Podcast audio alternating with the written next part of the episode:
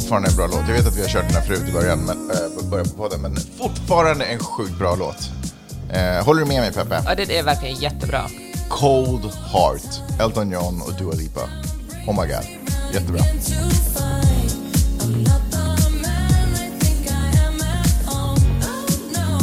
Jag tänker på hur många fler guldkorn finns där ute som man inte tänker på. För uppenbarligen så är det en revival på att äh, återupptäcka 80-talslåtar. Mm. Och det är ju nog ett decennium med väldigt mycket melodilåtar. Alltså... Men visst är det kul, för jag kände alltid så här, oh, det här låter fel, så lyssnade jag en gång till, jag bara, nej, det är så rätt det ja, här. Det, verkligen. Eh, men det ska bli, alltså, jag är peppad på alla låtar som kommer att komma fortfarande. Och det här är ändå typ lite nytt, för när jag växte upp, du vet, då när man fortfarande inte åkte bil utan det var häst och kärra. Mm. Eh, då, det var inte så att man gjorde nya versioner av Beatles-låtar, alltså, vet, med en beat i bakgrunden. Nej. Alltså 80-talets låtar är ju inte re remixes på gamla låtar. Nej, Förstår du vad jag menar? Eh, men nu är det. Jag tycker att det är sjukt spännande.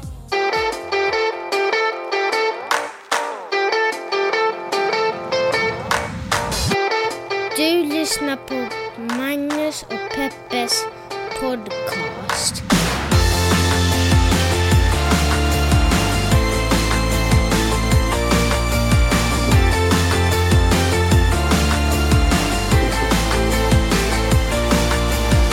Yo gänget! Hoppas att ni har det bra. Hjärtligt välkomna till podcasten som ni lyssnar på just nu, som också råkar ha ett namn som i det här fallet är Magnus Peppes podcast. En liten podcast där vi pratar om stora små händelser i världen och så gör vi det ur ett journalistiskt, feministiskt och mediegranskande perspektiv. Solen tittar fram, vi ska inte snacka väder i podden, men solen tittar fram och jag säger det eh, och ni bara säger ja bro, du bor i LA, duh.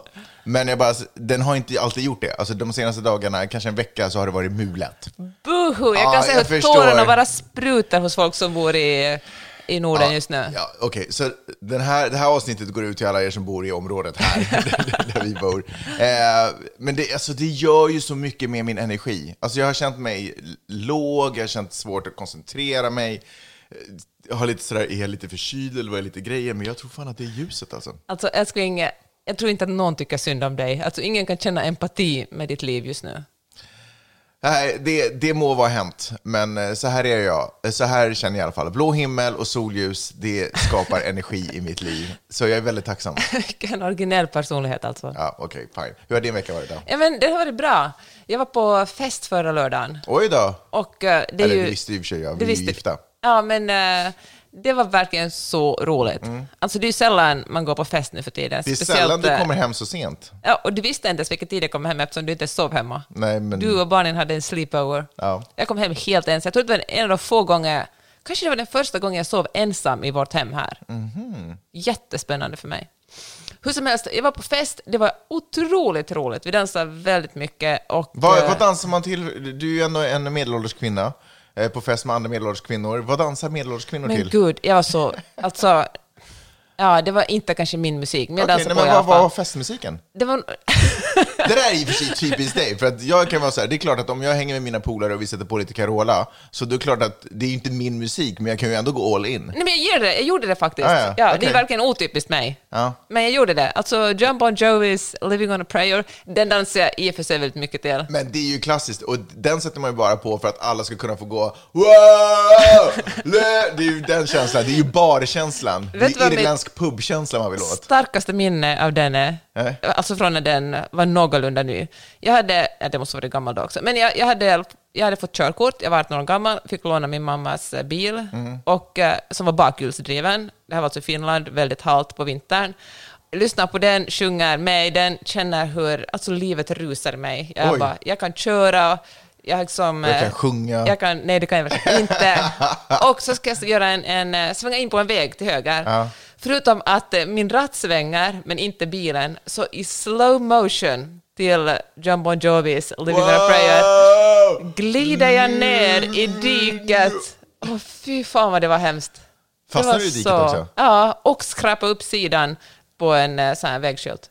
Oh, shit. Så verkligen living on a prayer? Verkligen. Så du, Ja. okej. Men det, det var, så var det, det var aha, vad hette den här? Var det eh, också den Take här... on me. "And I will walk 100 Nej. miles Va? Varför hour." kom den? Ja, men det, är så här, det kändes som att det var irländsk bar... Eh, Jaha, du tänker... vibe där alla står och skrånar och slår stora stop mot varandra så det skvätter. Och... Varifrån kom den här? eh, Nej, absolut, det var inte en sån fest. Det var Nej. mycket paljetter och dans och det var väldigt glamoröst, väldigt kul. Okej. Och eh, du vet att... eh, Topp tre låtar som spelades. Bon Jovi, Living on a prayer. Gud. Uh, Okej, den som är, nu lämnar jag bara de som jag verkligen kunde sjunga med i. 50 Cent, It's your birthday. Såklart. Eh. dum, dum, dum, dum. Självklart. Go shorty. Ja. Och uh, vad mer? Ja, så spelades det väl lite ABBA också. Jaha, okej. Ja.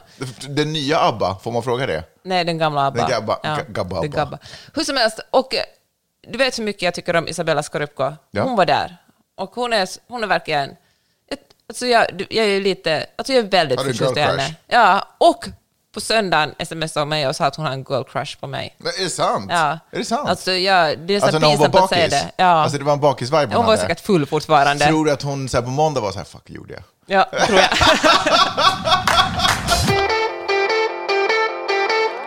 Jag är i alla fall glad att du har varit på eh, fest. Du skulle säga någonting, verkar det som. ja, men jag skulle börja tala vidare om girl crushes. Jaha, okej. ja. Okej, för jag har en vid sidan om Isabella har jag en annan. Oj, Jesus Christ. Du håller på, vad håller du på Pepper, det är som att jag inte känner dig längre. Nej, jag går på fest, kommer hem jättesent och jag är full och... Ja.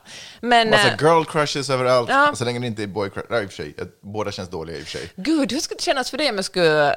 Jag har lite boy crush på honom. Ja. Bara, Wait, what? det är ju en crush. Det var en crush. Fast det är ju också väldigt så här heteronormativt. Man kan väl ha en... en Jo, givetvis. Men när man säger girl crush så säger man man betonar ju det. Annars så säger man ju bara en crush om Ja, man är kär i någon. Okej. Hör du, Kara Swisher, som är en techjournalist här i USA. Vad hette hon? Kara Swisher. Okej. Hon- En bra person att ha med sig på middag om ingen annan betalar. Okej, i Göteborg. Okej. I alla fall, hon är så otroligt bra. Jag har lyssnat på hennes eh, podcast, hon har en podcast som heter Sway och en podcast som heter Pivot. Jag lyssnar på kanske ett och ett halvt år på sin höjd. Och eh, för varje avsnitt blir jag mer imponerad av hur jävla bra amerikanska journalister kan vara. Så fruktansvärt bra. Ställer så smarta frågor och hon intervjuar och känner alla i hela jag menar, alla som har någonting med Silicon Valley och tech att göra. Talar man om Elon Musk, hon sa att ja, men senast jag träffade Elon Musk eh, sa han det här. Talar man om Mark Zuckerberg sa han, ja men då sa han det här. Och inte på ett sätt som jag nämner Isabella Scorupco för att på något sätt Nej ni ska tycka att jag är cool. Utan hon säger det för att hon har gjort en jävligt vass intervju med de här personerna. Hon kan säga sådär, Mark Zuckerberg gillar honom jättemycket, han är ju jättesnäll, men han är verkligen inte, han har liksom inte riktigt kapacitet att driva ett eh, företag som Facebook. Kan man säga att hon är liksom ett kvinnligt svar på Joe Rogan? Åh gud, gud vad hemskt att säga. Absolut, absolut inte. Okej. Hon är liksom tusen gånger smartare. Och eh, hon har såklart de senaste veckorna pratat väldigt mycket om the metaverse. Alltså um, Mark Zuckerbergs dröm, eller när han försöker distrahera oss alla från att inte tänka så mycket på hur dåligt tonårskvinnor och äh, tonårsflickor, herregud, de är barn, mår av Instagram. Så vill han liksom föra över fokus på någonting annat, och de talar om the metaverse. Jag tror inte, han- helt ärligt så tror jag han skiter i dem. Han vill föra bort fokus från sig själv, tror jag. Ja, hur som helst. Han Ja, just, och the metaverse är ju inte bara Facebooks idé. Det är inte Facebook som har kommit på den här idén att vi kommer alla att finnas i någon slags eh, annat... Eh, vi kommer alla att leva våra liv online ännu mer än vad vi gör nu. Jag lyssnade på en intervju just i den här Cara Swishers podcast Sway, när hon intervjuade någon tech-expert som sa att han tror att, att målet är att vi liksom ska tillbringa 80 procent av våra dagar online. Vilket inte är så konstigt om vi ser tillbaka. Alltså före sociala medier tillbringar vi ju inte närmelsevis lika mycket tid på att kolla vad, vem som har likat våra bilder eller inte likat dem. Och, liksom, och innan internet så var vi ute och inte jag, sprang i naturen, läste böcker eller vad vi nu sysslade med på den tiden. Sprang i naturen och läste böcker samtidigt. Ja. Men, eh, och det är superspännande. Och det är ju massa andra, alltså det är ju inte bara Facebook som håller på med, med det här och planerar liksom hur vi ska umgås som avatarer i, i den här verkligheten, utan det är massa andra, Snapchat håller på med det, Roblox håller på med det, de har ju liksom kommit en liten bit på vägen redan. Ja, fast Ja. vet du? Det kommer inte hända de närmaste hundra åren. Vet du vad, jag tror faktiskt det kommer att hända. Nej, för om det är någonting som jag känner att vi vill... Vet du vad, jag snackade... Okej, empirisk undersökning. Jag har pratat med en influencer om det här. Då så. ja, nej. nej, men om det är någonting som känns som att det ligger i luften, så, speciellt med tanke på att vi håller på att förstöra jorden just nu i en rasande tempo. Vi kan komma in på det lite mer sen. Men så nu är ju verkligen tiden att vara ute och uppleva den del av naturen som finns kvar. Och det känns som att fler och fler människor är på väg ut i världen och se saker irl mm. istället för att förlora sig i dålig grafik. Men får jag säga när det där kommer bli aktuellt? Okej, okay, kanske inte hundra år fram i tiden. Det är typ när våra släktingar, för det som är så bra med du vet, Facetime och sådana saker, som också var frowned upon på 80-talet, det är ju att vi nu, eh, vi, världen är mycket mindre, så vi bor på andra kontinenter och vi kan ändå ha kontakt med våra vänner och släkt hemma. Så jag tänker, du vet, när vi har koloniserat Mars, då kommer det där bli jäkligt aktuellt. För okay. då kan vi umgås. Tack för den mansplainingen. Det är bara en känsla. Jag har, det där låter som något som attraherar folk över 50. Då kan jag berätta för dig att det är det som Robloxen sysslar med. Det är det som modeshower håller på med, alltså sälja kläder. Man betalar liksom lika mycket för väskor i i online som man mm. betalar för den riktiga versionen. Jag, förstår, jag förstår och, att det finns en business runt det, jag förstår att det finns en hets och att det finns en marknadsföring och att locka in barn i en spelvärld på det där sättet. Och, och spel, det har vi ju gjort, det har vi ju ägnat oss länge över liksom i virtuella världar, fast vi kanske inte har sett varandra som block och sådana saker. Men det att vi skulle överge våra liv och gå in dit. Nej, det sa jag aldrig. Jag sa att vi kommer att, att tillbringa någon gång fram till liksom 80 procent av vår vakna tid i det här stället. Vilket ju inte är så jätte... Om du kollar på din egen skärmtid, okej, okay, din skärmtid är kanske inte så mycket, men om man kollar liksom på vanliga människors skärmtid, folk som liksom hänger mycket på sociala medier, kan det ju lätt vara att man är fem sex timmar av sin vakna tid om dagen online på något sätt. Jag säger inte att vi ska liksom leva i någon slags the matrix, utan jag säger helt enkelt att, vi kommer, att den tiden vi tillbringar kommer att... Ja, men vi sugs in i det. Och vet du varför vi gör det? är också ganska enkel psykologi. Alltså det är ju det, en av de mest grundläggande mänskliga behoven efter då, liksom mat och luft och tak mm. över huvudet, är ju att bli bekräftad och sedd som människa. Och det är ju det som vi alla är ute efter på Instagram, att någon ska lajka Jo, det som fast det som, är, det som är bubblan i det här är ju att vi på riktigt inte blir sedda och bekräftade på sociala medier. Och, för vi mår ju sämre. Och, och att bli sedd och att bli bekräftad är ju en känsla som egentligen gör att vi mår bättre eller skapar ett, ett, ett välbehag inom oss. Men eftersom det inte funkar så kommer den bubblan spricka och tror, folk kommer sluta. Jag tror faktiskt inte det. Jag tror att, eh, jag säger inte att the metaverse kommer att bli mycket bättre än, jag tror det kommer att bli katastrof eftersom uppenbarligen så klarar inte sociala, alltså Mark Zuckerberg, de andra Jack Dorsey och klarar inte av att hantera, eller det är liksom helt enkelt affärsmodellen sån, på, alltså allt sker på bekostnad av vårt välmående. Men eh, det måste finnas ett sätt, jag tror det finns ett sätt, jag säger inte att det kommer att bli så, men eh, jag tror att det kommer, alltså, men jag, alltså, ja, jag tror i alla fall, jag tror inte att tekniken kommer att sluta här och vi kommer att vara nej det är enough, nu kommer vi, nu kommer liksom vi bara att eh, det slutar vi för Instagram, nu går vi alla ut i naturen igen. Jag tror absolut det kommer att utvecklas och vi kommer att bli mer avancerat och att vi kommer liksom att, att ha avatarer och uh, röra oss. Och det kommer att finnas som en alternativ, en parallell verklighet på samma sätt som, vi hänger, som våra barn hänger på Roblox eller gör Minecraft. Och det som är intressant är att tydligen har Snapchat kommit ganska långt i den utvecklingen. De är tydligen ganska duktiga på det här. Mm. Att Facebook ligger på så vis efter. Och uh, Snapchat har nu nämnts så många gånger i olika artiklar och techpoddar jag lyssnar på att jag var inne idag och kollade vad som hände där. Jag tror inte jag var inne på Snapchat sen kanske 2015, 2016.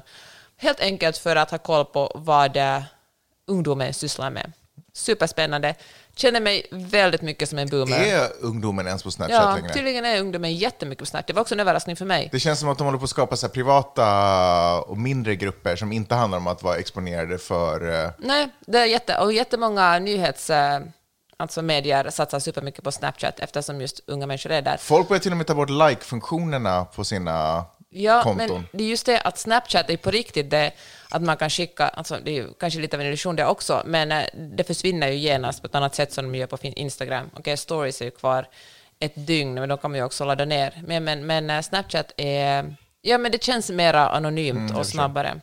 Och uh, Ja, men det tycker jag är så spännande, så nu ska jag i alla fall... Ja, men vad händer då? På vilket sätt har de kommit långt? Finns det någon form av, jag vet inte... Deras grafik är tydligen mycket bättre. De experimenterar väldigt mycket med så här, uh, vad heter det, augmented reality. Mm. Och, uh, Ja, att de... kunna sätta på eh, kaninnäsa på sitt eget ansikte och ja. sånt. Och jag var inne där precis innan jag började spela podden och nu kunde man göra, när jag senast var inne på Snapchat, alltså för superlänge sedan, då var man där typ med sitt face eller någon slags dålig grafik, men nu kunde man verkligen bygga sin egen lilla avatar, sig själv, välja exakt hur man ska ha håret och glasögon och väldigt ja, men, cool att leka med. Och ja, det är, är superspännande tycker jag. En annan sak som anknyter till det här, hur kommer framtiden att se ut, hur kommer vi att umgås i framtiden, hur kommer, liksom, hur kommer uh, ja, the metaverse då, till exempel. Det är ju någonting som uh, alla de här, alla vill ju tjäna pengar, alltså, Jack Dorsey, Jeff Bezos, Mark Zuckerberg, hela hopen vill ju se hur... Det här är topp fem människor som vill tjäna pengar. ja, eller som har tjänat mest pengar kanske. Ja, okay, Jack Dorsey kommer väl långt efter, men i alla fall liksom Elon Musk. Mm. De läser ju, de är ju nördar i grunden, de läste mycket sci-fi-böcker när de var unga barn, läser fortfarande. Men det är exakt det, och de är alla i den åldern där det här attraherar. Och nu för tiden så, det här var en, en, podcast som heter On the Media som också är jätteduktig, så de hade en litteraturvetare som analyserade det här. Han sa att nu för tiden så, alltså det, själva The Metaverse kommer ju från en bok som heter Snow Crash, som eh, skrevs på 92 kanske, mm -hmm. som handlar om ett, ett eh, en, en, vet, en, liksom en tech eh, företagsledare som vill grunda ett alternativt universum och så vill grunda The Metaverse, där man kan leva som Ja, men det, är som en riktig värld parallellt, för det går så åt helvete med den ja. riktiga världen. Men, äh, och äh, det, det går ju åt helvete med hela den här, eftersom det sprids ett virus, inte bara ett datavirus, också ett virus bland människor, så att äh, det, går, det som får deras hjärnor att sluta fungera. Mm. Vilket är ju väldigt ironiskt att Mark Zuckerberg väljer ett sånt namn på det han vill utveckla som the metaverse, eftersom mm. ursprungs-metaverse var åt helvete. Men, men att, då var det teorin i den här att de här Företagsledarna läser sci-fi för deras egen fantasi räcker inte till för att utveckla framtiden. Så de kollar på vad författare har skrivit och hittat på för liksom 10, 20, 30, 40, 50 år sedan. Och det som verkligen bara var fantasier då går eventuellt att äh, återskapa, att nu. återskapa nu. Mm. Men tänk bara liksom att kolonisera Mars, liksom. det är kanske något som människan har drömt om mm. och liksom skrev om det på 50 eller 40-talet. Men nu så säger Elon Musk att det verkligen finns en, en teknisk lösning, eller åtminstone inom en mycket närmare framtid en möjlighet att göra det. Mm. Och jag tänker det är så intressant hur litteraturen spelar en roll, men också hur fel man kan läsa litteratur. Om man bara läser den liksom, eh, skönlitteratur för att få idéer och liksom inte läser det mänskliga som händer i dem när man utvecklar sådana saker. För, för inte helt osällan är det ju också kritik till ja, samhällen precis, liksom, som, det. som det handlar om egentligen. Precis vad det är. Att, precis. Och... Uh, Ja, men, och då tänker jag tänker att hur liksom den mänskliga kreativiteten och, och, eh, och liksom fantasin, vilken, vilken tillgång det är. Mm. Och, men att hur man måste, hur viktigt det är med litteraturvetenskap, det är kanske det jag vill ta fram här, att men försöka det, förstå varför verkligen. någon skriver någonting. Men jag, tycker att det, jag tror att det är precis det du beskriver är också exakt anledningen till varför det här inte kommer funka. Det är klart att det kommer bli en hype runt det, därför att de kommer ju köpa unga, populära människors uppmärksamhet och följare och ögon på sig. Så de kommer naturligtvis kunna skapa det här, men att det skulle vara en hållbar framtid och en hållbar, liksom, att vi skulle helt plötsligt överge det verkliga och bara börja tillbringa våra liv. Det är liksom inte rimligt. Ja, men det har väl ingen någonsin sagt? Men var det inte det du sa? Att vi kommer att börja tillbringa 80 procent av vår tid där? Ja, men då, det är väl en ganska betydande del med tanke på att vi typ sover 20 procent ja, av tiden. Men eh, du kanske, jag sover väldigt mycket mer än det. Men eh, nej, alltså, med tanke på så mycket tid vi tillbringar på sociala medier nu. Jag säger inte att vi ska överge allt, vi kommer fortfarande att leva och folk kommer att jobba, och, men jag tror att folk kommer att sugas in ännu mer det här. Det är spännande, nytt, vi kommer att shoppa där, vi kommer liksom att se sportevent där, vi kommer att eh, gå på föreläsningar där, vi kommer att kanske jobba där. Det var också Max Zuckerbergs idé, tror jag, att man skulle liksom ha som alltså ett, ett Zoom där man verkligen fysiskt som avatarer sitter vid ett bord och pratar. Jag tror att eh, ja, ja det är Alltså om det inte sker så tycker jag det är konstigt. Jag håller verkligen inte alls med dig där. Men vet du vad, det som också gör att jag känner att det är sådär, ew, är för att jag känner att de här människorna som promotar det här just nu, som pratar om det, det är nästan lite så här som med bitcoin. Att det är som människor som är så ja. disconnected från verkligheten. Det håller jag med och om. Precis som du säger, sitter och plockar godbitar ur egentligen kritiserande verk, bara för att de har hittat något, bara för att de visualiserar det som om det vore en sci-fi-film. De, de kan liksom inte ens de kan inte sätta ihop pusslet mm. så som det egentligen ska läggas, utan de bara försöker få oss att tappa fokus från vad vi håller på nu så att vi ska hålla på att titta på någonting annat och bli sådär, åh, det där verkar spännande, mm. det där mm. verkar kul, och lite glömma bort vad som händer nu. Det är liksom inget, eh, det finns ingen moral i det. Moral eller egentligen grundläggande mänsklighet. Det är, det är, ingenting för att det ska bli bättre. Nej. Och det är klart att det kommer finnas funktioner i det som kommer vara bra och hjälpa många människor. Men eh, allt, allt, det är så mycket av det där som är distraktion som kommer från en, en ja, liksom plats där de inte har koppling till världen. Jag lyssnade på en, en intervju med någon slags uh, Facebook executive, minns inte vad han hette, men det var på NPR, NPR den här intervjun, som de, de just talade om the metaverse, vad kommer det att vara?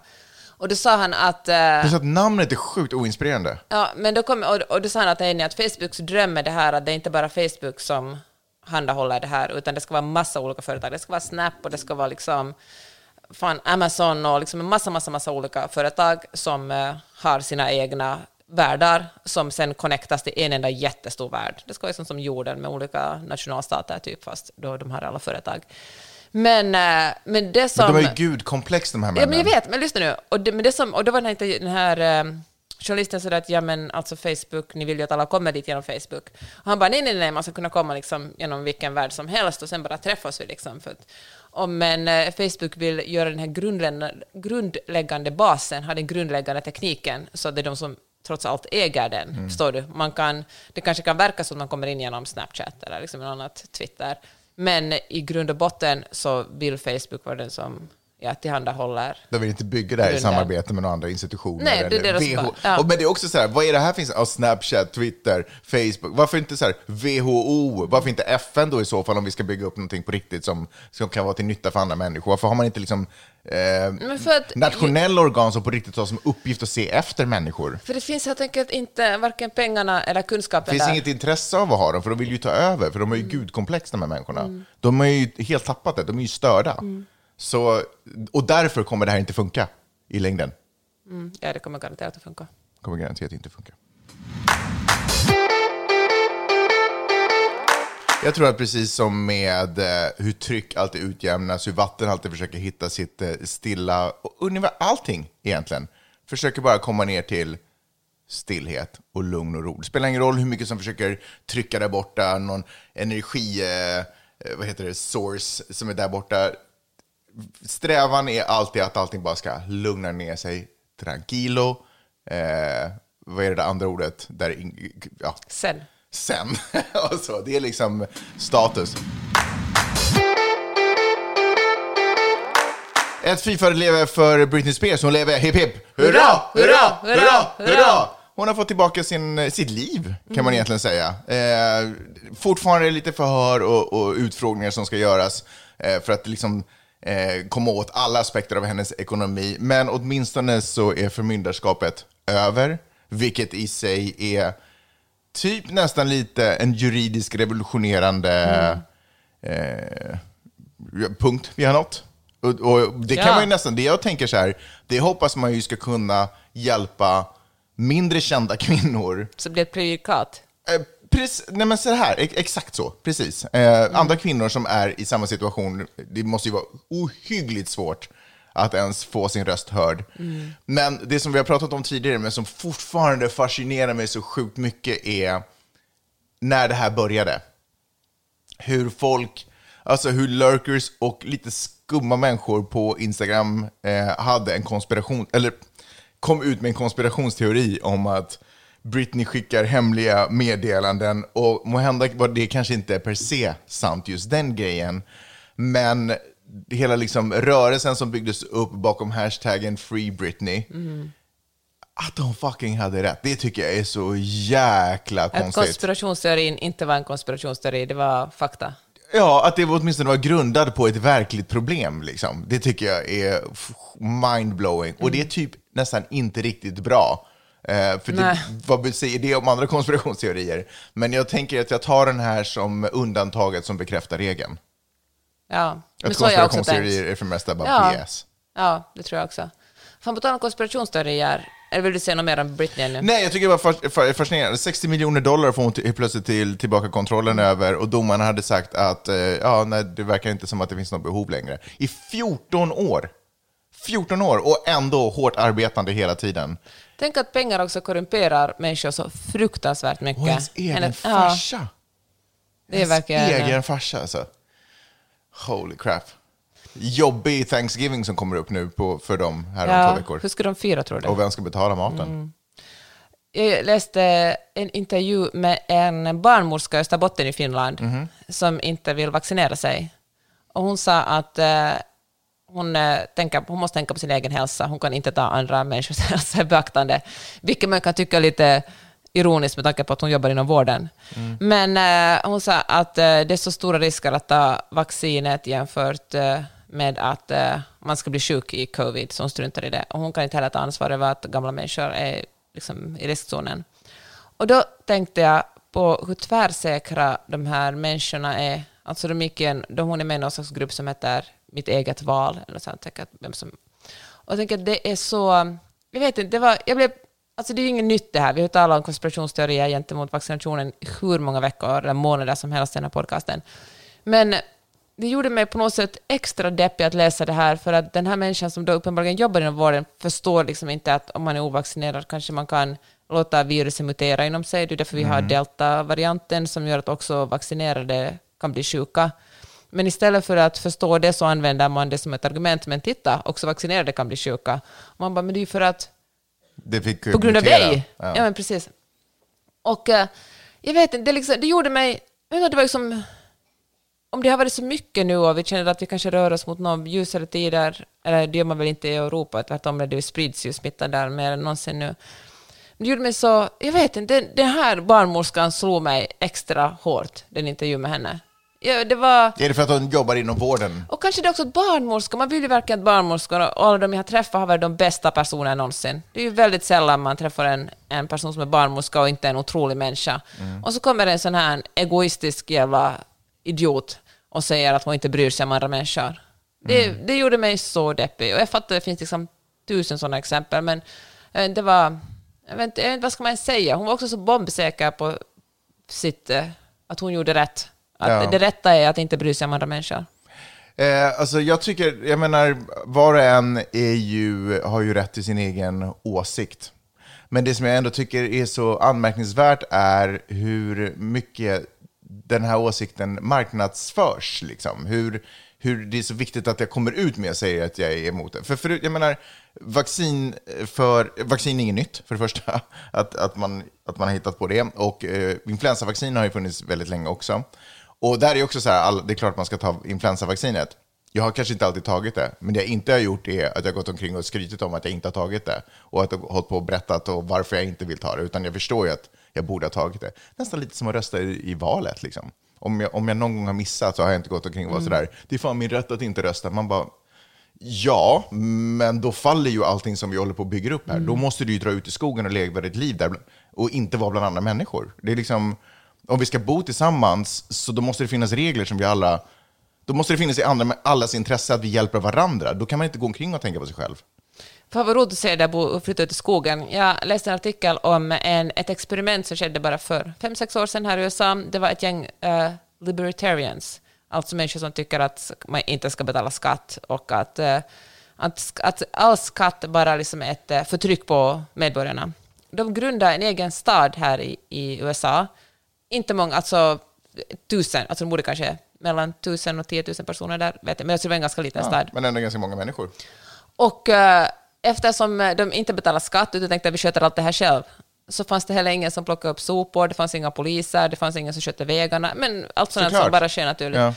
Och, men för, som de ändå ville ha, underligt ja, nog. Men då fick de ett problem med björnar. För mm. alltså, eftersom ingen plockade upp soporna så kom det en massa björnar och åt upp deras sopor. Så det var helt livsfarligt att bo där. Mm. Så folk var tvungna att flytta bort. Så i två år lyckades de hålla, hålla igång den här, den här utopin att kunna leva utan att betala skatt eller ta hand om varandra och liksom ha ett system där men där staten genom skatter liksom erbjuder vissa tjänster som mm. sjukvård och poliser och liksom då tar bort soporna. Ja, men det är så synd, för vi har liksom glömt bort, vi har, ta, vi har levt så länge så här i, i sådana här ordnade former i, i städer, i typ 10 000 år eller vad det är. Och, så vi har liksom glömt bort varför vi börjar göra det, vad som är den otroliga styrkan. Vi går bara omkring och snackar om att vi ska vara fria, vi ska vara fria. Bro, du är fri! Du får leva tills du är typ 100 år. Det är ganska unikt bara där. Du får göra så gott som vad du vill, men poängen är ju att vi ska bo tillsammans och om vi ska bo tillsammans så måste vi ta hänsyn till varandra. Och då måste du göra vad du kan för att andra människor inte ska dö, bli sjuka, må dåligt och du vet, vi måste ta hand om varandra. Och det handlar om att folk som är kanske fysiskt svagare måste vi då kunna hjälpa för att deras andra styrkor ska kunna komma eh, och blomma ut Precis på samma sätt som du och jag har våra svagheter, så har vi möjlighet att få hjälp för dem för att våra styrkor ska kunna blomstra och bidra till att vi alla har det mycket bättre. Ja, men det är svårt att förstå. Men, och så gör folk just det här, så drar de ut och så tänker de att ja, men de är överlevare, de ska bo i skogen. Och det går säkert superbra, de kan säkert bo i decennier, men det som händer när de blir äldre är att de flyttar in i samhället igen, för då behöver man hjälp och då behöver man bli omhändertagen. Det kommer alltid ner till det. Så eh, otroligt frustrerande för mig. Läste för länge sedan om ett par som också skulle bo i Finland som drog ut i skogen och skulle leva där. Ja, superbra hade de byggt huset och det var alla tänkbara möjliga tekniker för att ta hand om vatten och alltihopa. Skitbra, tills den dagen den här jäveln får ont i tänderna. Men just det, var inte de som tyckte det var jättebra, för man kunde åka till biblioteket inne i stan och läsa tidningar och använda internet. Ja, men då bor man ju för fan inte utanför samhället. Nej. Då kan du glömma allting som har med liksom, litteratur att göra, alltihop, för det är någon annan jävel som skriver böckerna. Ja. Liksom, sluta med det där. Tänk, det är också så här, istället för att alla går och tänker på sig själva, Tänk om 10 000 personer istället skulle ägna sig åt att tänka på alla andra. Då är det ju för fan 10 000 människor som tänker på dig. Mm. Istället för att alla går och tänker på sig själva, för då är det ju bara en.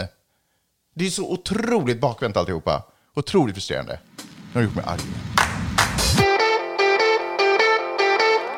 Här i USA är det ju midterms nästa år.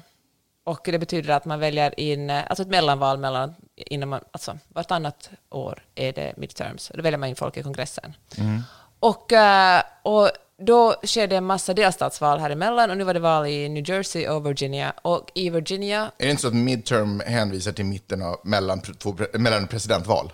Ja. Är det inte det som är midterm? Man har kommit till mitten av en presidentperiod. Ja, men då är det eftersom kongressen sitter man ju bara på två år åt gången, mm. så det väljer man. Men alla sitter, det är inte i takt så att hela kongressen Exakt. byts ut, utan jag tänkte att jag inte ska gå in på detaljerna där. Nej, nej, nej.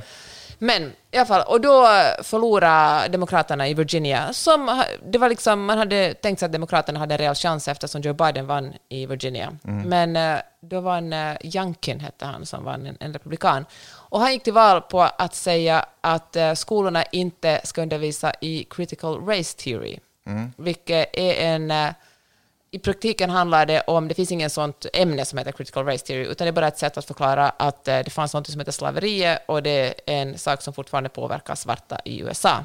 Och då är det väldigt många vita, oftast republikaner, som tycker att eh, de vita som lever idag har ingenting att göra med slaveriet. Utan, eh, och svarta... All, för det, det hände för, några, för massa hundra år sedan ja, och det har ingenting med dem att göra. Precis.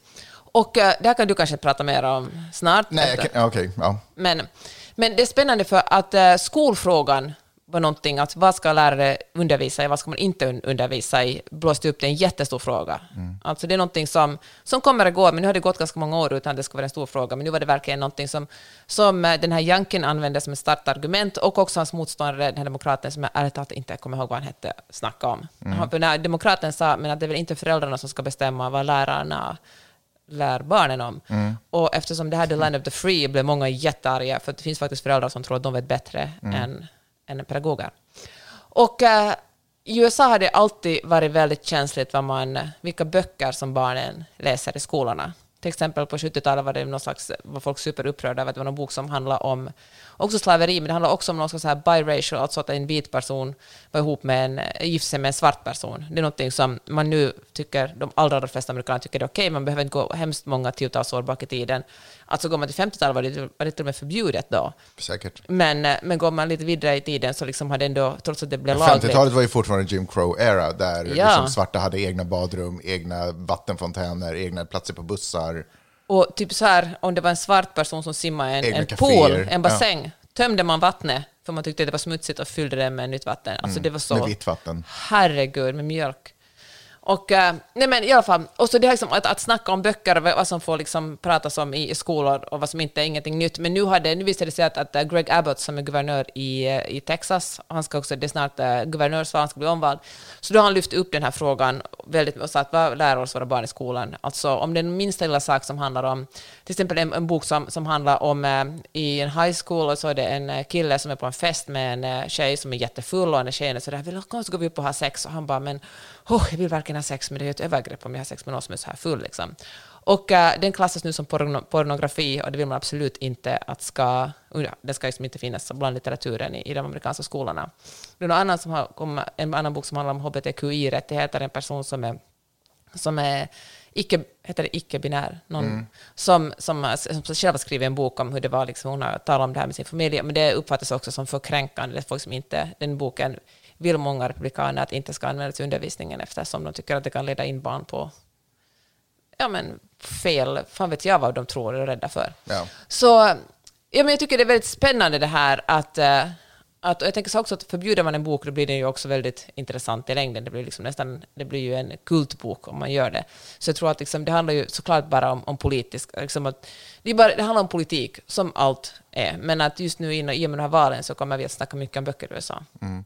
Det här landet älskar ju att ställa, alltså, dra fram Bibeln när, när det passar. Liksom, sådär. Och, och egentligen så är det inte ens Bibeln man drar fram, utan det är ju ofta så här, pastorer i små samhällen som har ganska mycket kontroll på söndagar där man berättar hur, hur de pastorerna, individerna tycker. Och pastor är inte heller det är inte heller en präst och det är inte heller någon som egentligen har gått en teoretisk, eller vad heter det, vad heter ämnet? Inte religion. Teologi. Teologi, som egentligen har gått en teologisk utbildning, utan pastor kan jag egentligen mm. claima att jag är.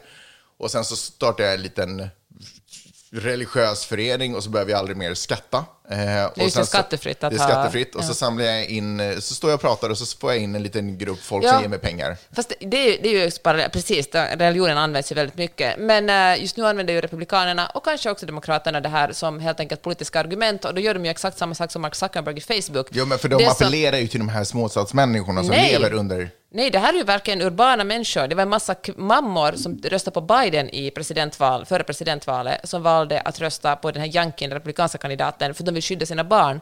För det de här politikerna gör är de, eh, de eh, spelar på känslor. Alltså det är det som, på samma sätt som Mark Zuckerberg spelar på känslor för att vi ska få mera, folk ska stanna längre på Facebook och Instagram för den delen också, så, så vill de här eh, politikerna säga att vi försöker bara skydda era barn. Vi försöker skydda era barn mot den här farliga verkligheten. Vi försöker skydda dem för att inte bli hbtqi-personer, för att inte umgås med fel människor, för att inte får ju inte känna sig skyldiga för att deras anfäder var rasister och liksom var med om slaveriet. Så att eh, om ni röstar på mig, då kommer era barn att få en trygg, eh, en trygg skolgång.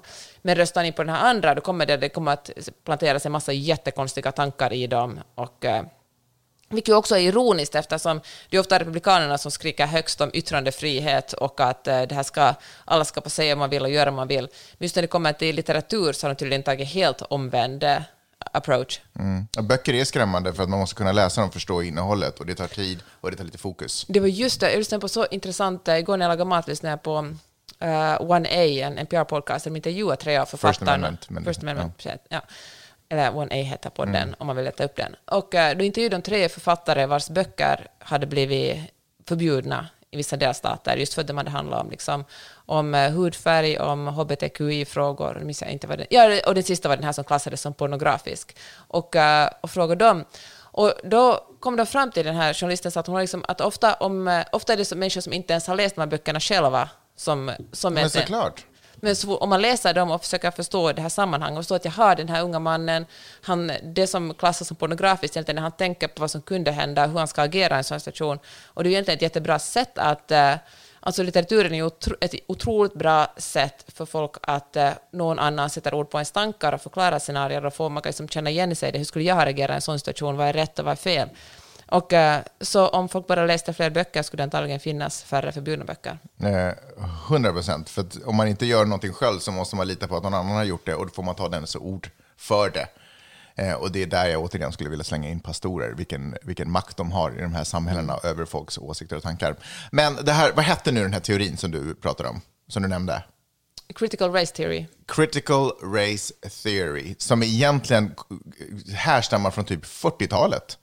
Eh, där man bör, liksom, det, var någon, det var på eh, ett universitet som man satte sig ner och började fundera på, kan det vara så att slaveriet, de effekterna av slaveriet på något sätt lever kvar och påverkar samhället idag? Och så studerade man det och så tittade man på olika aspekter, på olika delar av samhällsfunktioner och så kollade man på hur de, eh, hur de opererade och om det på något sätt om man kunde se några kopplingar eller dra några kopplingar, slutsatser från, utifrån det. Och, och det. och det formulerades i ett dokument som då sen blev just det här. Och det här, den här studien, eller rätt sagt den här teorin, borde kanske också prata om teori. För det att om, om du och jag sitter så här, kanske över en kaffe, och så pratar vi om, och så säger jag så här, Peppe, du, jag har en teori. Jag tror att varenda gång det, det sättet som jag använder ordet teori då, det är mer så här, en liten lös tanke som jag har lite funderat ihop på min egen kammare. Men så är ju inte alls fallet när det kommer till vetenskap. För där är teori en ganska djupt gående, det, det kanske började så, undrar om det hänger ihop så här, de här två förhållandena. Och sen så sätter man igång ett arbete. Och så börjar man titta på olika aspekter, man börjar göra gedigna intervjuer kanske. Det finns massa olika sätt eh, inom vetenskap, men massa olika verktyg man kan ta till för att liksom komma till botten av sanning.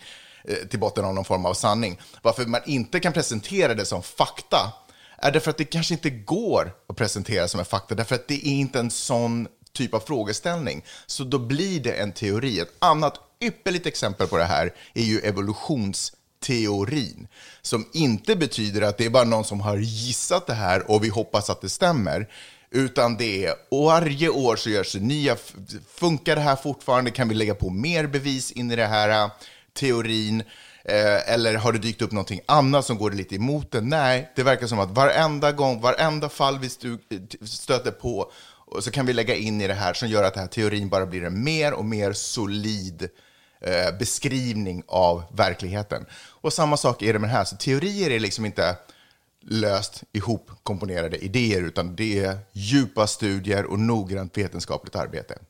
Anyways, så det här dokumentet eh, har då sen börjat användas av myndigheter. FBI tittade på, eh, eh läste igenom den här teorin, det här dokumentet, den här rapporten eller vad man ska säga.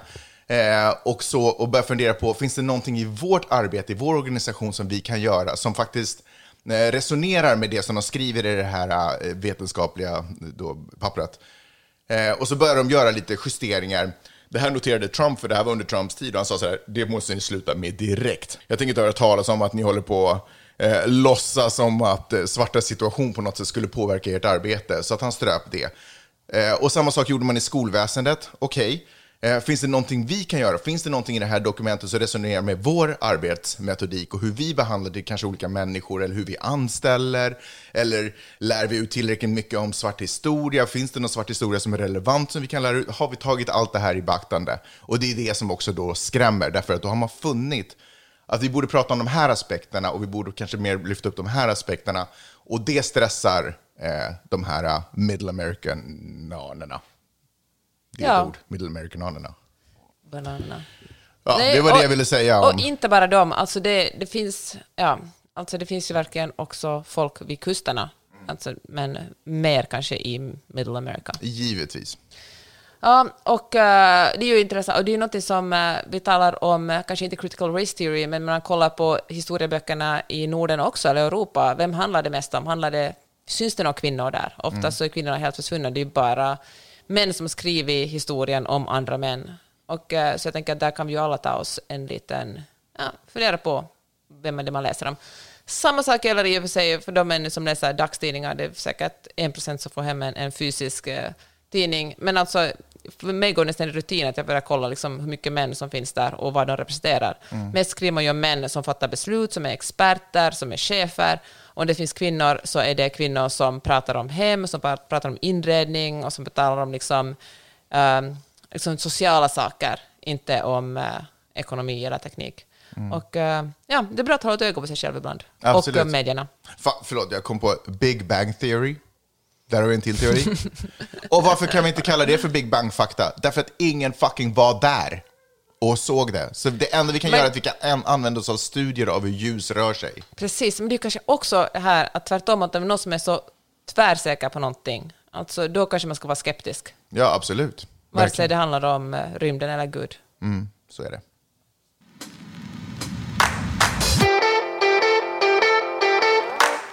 Twitter ska börja ha en uh, prenumerationssystem service. Mhm. Tre dollar i månaden och då får man... eh, Då kan man... eh, Tillgång till metatwitter.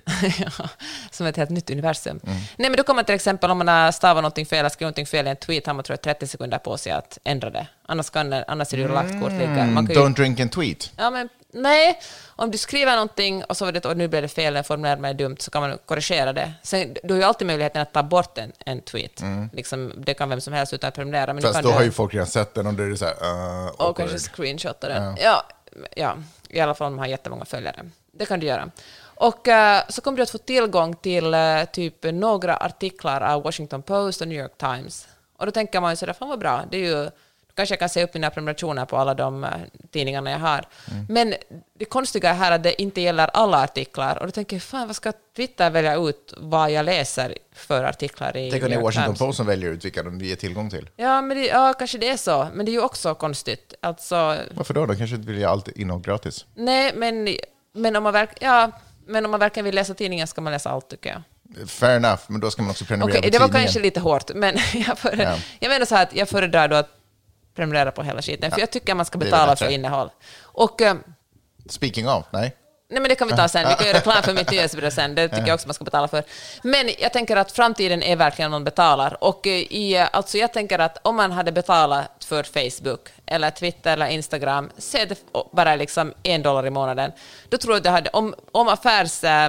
modellen hade varit sån, tror att alla skulle må mycket bättre istället för att vi betalar med personuppgifter om oss själva. Nej men 100 procent. Om du inte betalar med pengar för någonting, då betalar du med ass. Ja, men såklart. Så är det. Det finns en, en för detta Google-medarbetare som eh, det står mer om mitt nyhetsbrev som vi kan göra reklam för, peppe.substack.com. Men han eh, har jobbat 15 år på Google, slutade och sen bestämde sig för att nu ska han grunda ett alternativt bolag som heter Niva, som är en sökmotor som man också prenumererar på. Och då får man liksom inte, inte resultat på basen av vad man har sökt tidigare eller på basis av algoritmer, utan då får man Så man kommer att titta om Ja. någonting med andra ord. Nej, men, eh, men jag tycker att det... Fan vad glad jag blir om det går åt det hållet. Alltså det är ju det som är det största problemet för eh, till exempel press, alltså media, journalistiken också har varit... Det visste man, ju inte, man visste ju inte bättre då, det ville man ju bara att folk skulle komma in på ens webbsida, men att man gav, gav bort allt material gratis. Mm. Det är jättesvårt att gå från att ha nå- fått något gratis till att börja betala för det. Mm, det. Och jag, kanske aldrig kommer att funka med sociala medier. Men, eh, men då tänker jag så här, fan man ska, man ska betala för saker och ting. Mm. Och då säger någon sådär, men till exempel man talar om journalistik, alla har kanske inte råd att betala för eh, DN och SvD och Washington Post och Hufvudstadsbladet och eh, LA Times och vad allt man vill prenumerera på. Nej, men... Men eh, du har garanterat råd att betala för en av dem. Om du, vill, Exakt. om du vill ha nyheter. och där finns också styrkan då i public service, att det finns andra människor Så som här, betalar en avboka en filmkanal och ta en tidning istället. Ja, men jag tycker också att här måste man lyfta fram vikten av public service. Att det finns andra människor som har råd att betala alla de här och som dessutom betalar skatt eller, betalar, eller så betalar vi alla licens och så får man jättebra nyheter genom public service Bra. som ett komplement. Alltså, ja, så där är det. Betala för uh, saker som kanske spontant inte känns lika underhållande som Netflix eller annan streaming-service, men det är ändå det är bra för dig och demokratin. Och är det så här att det känns jobbigt att läsa artiklar, gör det mer då, Ja. tänker jag. ja. Jag tyckte det var så jäkla jobbigt att läsa New York Times-artiklar. Jag var tvungen att läsa USA Today i början, för att det bara skrevs på ett enklare sätt. Men eh, sakta men säkert har jag börjat ta mig igenom de här artiklarna nu.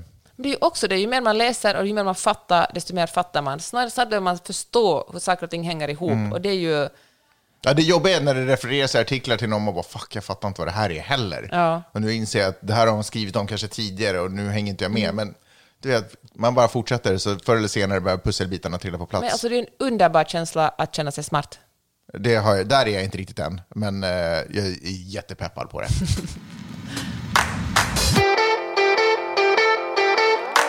Tack för att ni har lyssnat. Ni är underbara. Tack för att ni hör av er och eh, korrigerar och kommer med förslag. Och eh, har ni några frågor kan ni ställa dem på den här mailadressen. Hej! Har du frågor och kommentarer så kan du mejla min mamma och pappa på Magnus gmail.com. Gör det!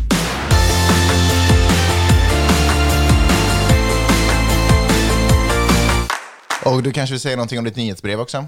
Varje vecka samlar jag ihop det bästa jag läst i ett nyhetsbrev. Det finns på peppe.substack.com och uh, får gärna betala 5 dollar i månaden. Då får du fyra nyhetsbrev i månaden. Jag kan verkligen rekommendera, nu förstår jag att jag är sjukt partisk i fallet, men och även fast vi inte, Peppe, om du skulle skilja dig från mig skulle jag fortfarande prenumerera på ditt nyhetsbrev. Ja, jag hoppas det. Ja, bra saker där. Eh, sista jag tänkte avsluta med, ABBA är ute med en ny skiva. Hur kul är det? Den här, är, den här låten heter Keep an Eye on Dan. Sjukt konstigt. jag tänkte vi ska lyssna lite på den. Och medan den spelar här i bakgrunden så säger vi hej då och så hörs vi om en vecka igen. Det gör vi. Hej då. Hej då!